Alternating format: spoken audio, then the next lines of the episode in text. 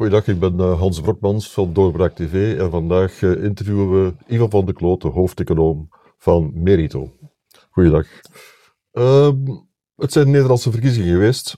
Het was nogal een schok, mogen we zeggen. Ehm, maar toch ehm, was het vreemd dat, er, dat men dat niet echt heeft zien aankomen. Ja. Uh, de elite was erg geschokt, Mhm. maar het volk heeft wel gelijk gekregen. Ja, ze. men zegt dat in verkiezingen het volk altijd gelijk heeft. Hè? Dat is de democratie. Maar in elk geval denk ik dat iedereen toch wel aanvoelde dat er een, eh, echt wel een spanning om, al lang aanwezig was tussen eh, het gevoel van er is een elite, er is een bevolking. En die elite houdt hier eigenlijk wel voldoende rekening met de bevolking. Dat, ik denk dat dat in corona al heel sterk aanwezig was, dat gevoel. Maar in allerlei beleidsdomeinen eh, is dat ook heel aanwezig. In Nederland, maar eigenlijk in, in veel landen, denk ik. Ja, en, hoe komt dat de elite dat niet beseft? Wel ja, er is natuurlijk, eh, voor een stuk is dat ideologisch. Hè. Bijvoorbeeld, er is een grote onvrede en ongerustheid bij de bevolking over het migratieonderwerp. En ja, dat is eh, nog altijd een soort politiek taboe voor de politiek correcte deel van de politieke klasse. Dus daar, daar, ja, daar, daar, daar kijkt, men, kijkt men over. En dat heeft natuurlijk heel sterk ehm, succes bepaald van Geer- Geert Wilders en zijn PVV. hè. Geert Wilders eh, is ook een voorstander, officieel althans, van een exit. Ehm, denkt u dat dat enige kans maakt? En in hoeverre is die, die kloof elite en, en, en bevolking, is, is die ook op Europees niveau? Ja, en da, dat is net daar waar ik mij zorgen over maak. Dat is namelijk dat die Europese elite eh, in het Berlaymont-gebouw, dat de kloof daarmee soms nog veel groter oogt met de bevolking dan met de nationale elite. En dan heb ik daar toch wel een aantal recente voorbeelden van gezien, denk ik. Bijvoorbeeld in september had je Charles Michel in het Sloveense Bled, die daar ineens eh, bij donderslag verklaarde eh, dat hij voelde dat er een groot momentum was voor een, de uitbreiding, verdere uitbreiding van de Europese Unie. Eh, ik, ik weet niet hoe u dat aanvoelt, maar ik voel daar helemaal geen groot momentum voor bij de bevolking. Ehm, dus ik denk dat, dat hij opnieuw in een heel Europese bubbel daarover leeft. Ehm, en dan hebben we natuurlijk iets later in november een, een bevestiging daarvan gezien dat die Europese elite het wel menens is met haar, ja, haar grootse plannen. Ehm, want dan hadden we een verklaring van Ursula von der Leyen, eh, die eigenlijk eh, het, het, de staat van het uitbreidingsproces maakte. En daar ineens zomaar verkondigde dat ehm, voor landen zoals Oekraïne en Moldavië eh 90% van de voorwaarden van de hervormingen eh, zijn doorgevoerd om de onderhandelingen op te starten. Dus eh, ik denk niet dat daar eh, grote eensgezindheid over bestaat. En ik voel dat eigenlijk als een soort vlucht vooruit. Ehm, en wat, eh, er was, het hield daar niet bij op, bij die twee landen. Eh, over Bo- Bosnië-Herzegovina zei ze ook dat die in aanmerking kwamen ondertussen voor onderhandelingen.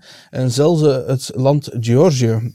En ehm is, eh, u weet dat daar altijd een soort screening gebeurt. En normaal neemt die jaren eh, dat men landen op de rooster legt. En dan gaat het over, eh, bent u voldoende gevorderd in het, in het de onafhankelijkheid maken van het onafhankelijk maken van het gerecht? In, waar, waar staat het met de vrijheid van meningsuiting? Ehm, de, de, de rechten van minderheden en dergelijke. En eh, wel, bijvoorbeeld Bosnië- Bosnië-Herzegovina, eh, daar staat het op al die domeinen heel slecht vandaag. En wat je dan eigenlijk het gevoel krijgt is, eh, de Europese elite neemt de vlucht vooruit. Ehm, en wat, wat mij ook zorgen baart, is dat er eigenlijk weinig reactie op komt. Dat wordt zomaar aangekondigd op een persconferentie. En dat is eigenlijk wel schrijnend een bevestiging van die kloof met de bevolking, met name, dat dat ook nauwelijks doordringt bij de bevolking. En men is daar een beetje fatalistisch over. Van ja, wat zijn ze daar in Brussel weer allemaal aan het beslissen? En als je daar nu over nadenkt van waarom is dat nu zo ineens aan de orde, die, die grote stappen richting uitbreiding van de Europese Unie, Ehm, wel, dan denk ik dat, eh, dat men die uitbreiding op dit moment in, als een wapen in de strijd gooit voor, in, de, in de geopolitieke strijd. We hebben dus landen Tegen die, ja, maar ook denk aan het conflict met Oekraïne.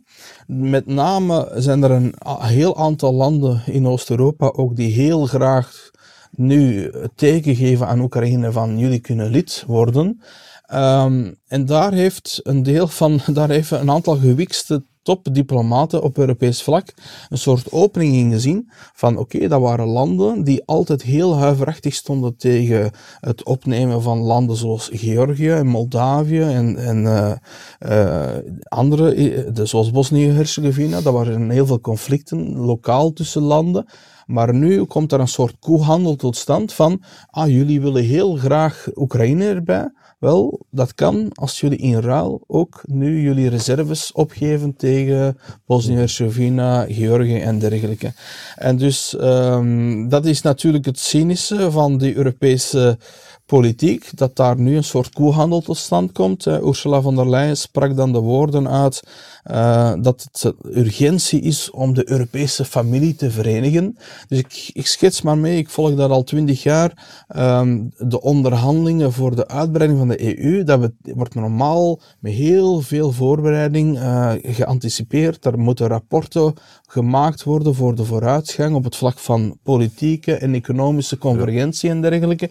En ineens neemt men de vlucht vooruit, ineens gaat men heel overhaast, en dat kan niet losgekoppeld zien, men geeft het eigenlijk toe, van die geopolitieke kwesties. Nochtans was het vroeger uh, Margaret Thatcher, die de grote voorstander was van een ja. uh, bredere uh, Europese Unie, net om die verdieping ja. tegen te gaan. Dat is inderdaad wat ik ook recent een artikel over geschreven heb op Doorbraak. in de jaren 90 hadden we eigenlijk klassiek het debat tussen de eh, de, de, keuze tussen de uitbreiding, de verbreding of de verdieping. Mhm. En wat je nu eigenlijk krijgt, is dat de nieuwe politieke elite in Europa doet alsof daar geen keuze meer te maken valt, mhm. maar dat je de twee kunt hebben. Zij willen een enorme federalisering van Europa, hè, dus enorme bevoegdheidsverdeling. Mm En ik, ik wil wel eens een oefening maken van op welke domeinen zitten we ondertussen al niet voorbij de Verenigde Staten. Want uh, sommigen, zoals Guy Verhofstadt, zeggen altijd, wij willen de Verenigde Staten van Europa. Maar bepaalde bevoegdheden die zijn in Amerika gedecentraliseerder dan in Europa ondertussen. Maar dus, um, ja, er, vroeger werd dat gezien als een soort trade-off. Je, wordt, uh, je kiest voor een uitbreiding, maar dan een losser verband, of je kiest voor een verdieping. En nu doet men alsof er geen uh, trade-off meer is. Uh, voor, voor, economen is dat heel evident. Maar dan gaat het over een apart domein, dat gaat over de muntunie. Voor de muntunie is het gewoon een wiskundige wetmatigheid.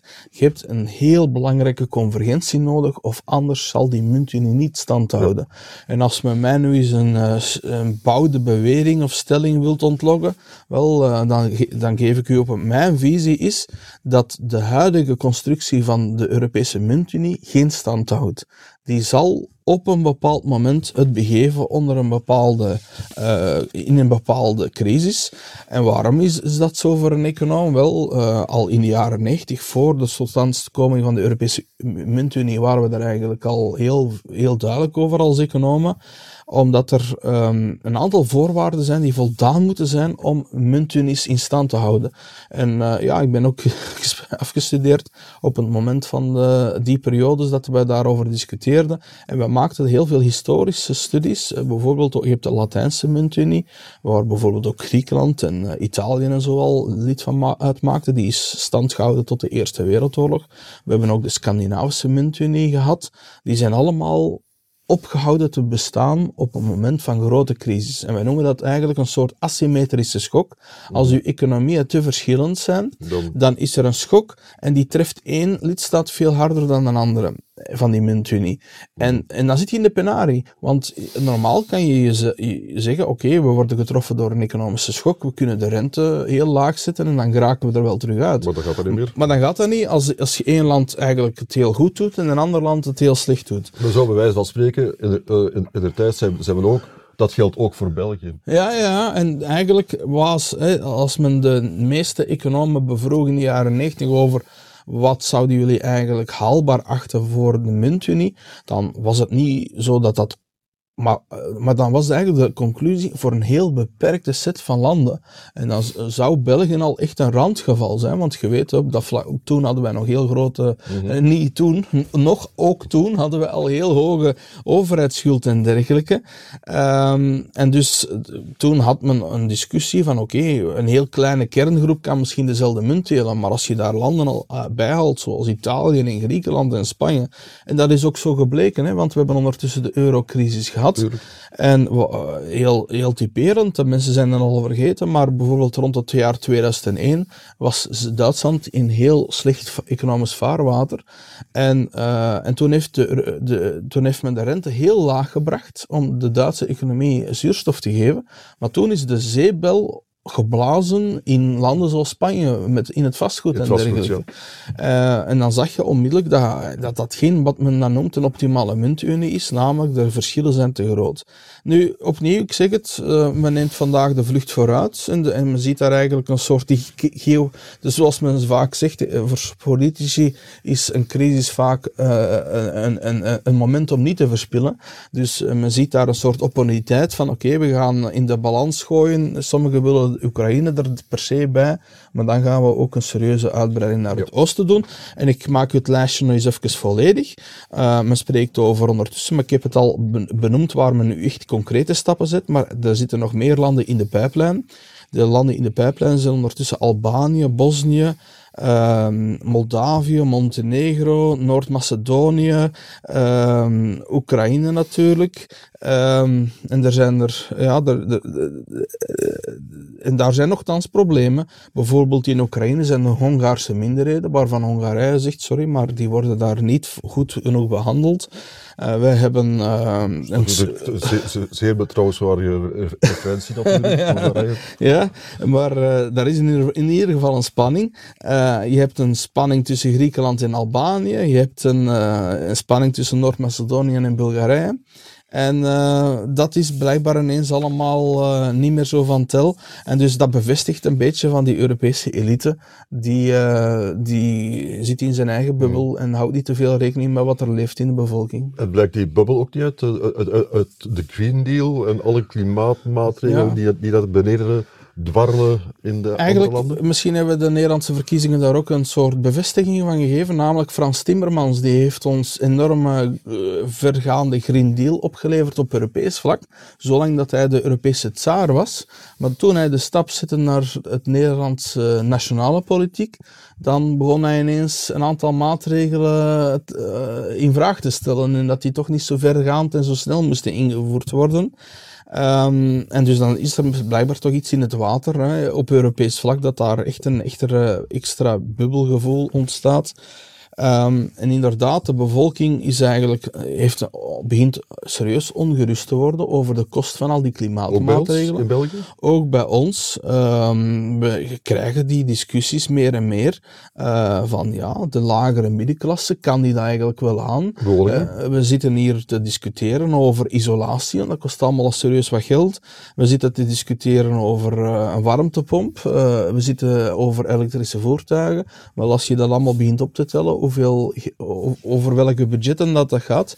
Voor de lagere middenklassen is dat echt uh, een belangrijk stuk van haar inkomen dat ze daaraan zou moeten spenderen. En die heeft op dit moment ook al niet zoveel extra marge. Dat zal waarschijnlijk ook leiden, uh, als we spreken over de renovatie, tot de ja. vermindering van de waarde van de bestaande woningen. Dus mm -hmm. de mensen die, die een huis hebben, zien eigenlijk hun, hun, hun, vermogen verarmen. Ja, ik had zelf al, al een hele tijd het gevoel of een inschatting van, wauw, je zit snel met een uh, waarde, waardevermindering van je huis van 10%, misschien 20%. Uh, maar ik hoor, en dan, dan gaat dat al voor veel mensen al over meer dan 30.000 euro. Maar Bel ik hoor dat er sommigen zijn die nog verder... Ja, Belgius, 80.000. Uh, kijk dat maar aan. Hè. Ik bedoel, als je de boodschap krijgt van ja, je gaat een deel van je inkomen moeten spenderen aan bepaalde dure zaken, zoals uh, warmtepompen en elektrische voertuigen. Maar tegelijkertijd wordt je vermogen een stuk aangeknacht door uh, de waardevermindering. Maar Diependaal zegt, we gaan dat voor een stuk oplossen door renovatiesubsidies. Oké, maar ehm, dat zal misschien de kost een beetje kunnen matigen, maar dat is natuurlijk het verschuiven van de kost. Dat betekent, dan zitten we weer met begrotingsproblemen en die worden ook finaal door de burger opgehoest. Het, eh, het saneren van de overheidsfinanciën. Maar die waarde, die vermogensvermindering hè, van 30 tot 80.000 euro, uh, ja, ik, ik denk niet dat daar heel veel mensen heel optimistisch van worden. Dat creëert natuurlijk ook weer een kloof tussen mensen met geld die zich daar allemaal niks van mhm. aantrekken. Die doen gewoon wat, wat, wat ze willen. En mensen die het wat minder hebben, die hebben nog minder. Ja, en we moeten dat niet uh, wegrelativeren. Er is ook in ons land, uh, ook in Vlaanderen, uh, armoede. Er is ook een lagere middenklasse die het moeilijk heeft. er is wel één relativering daarbij.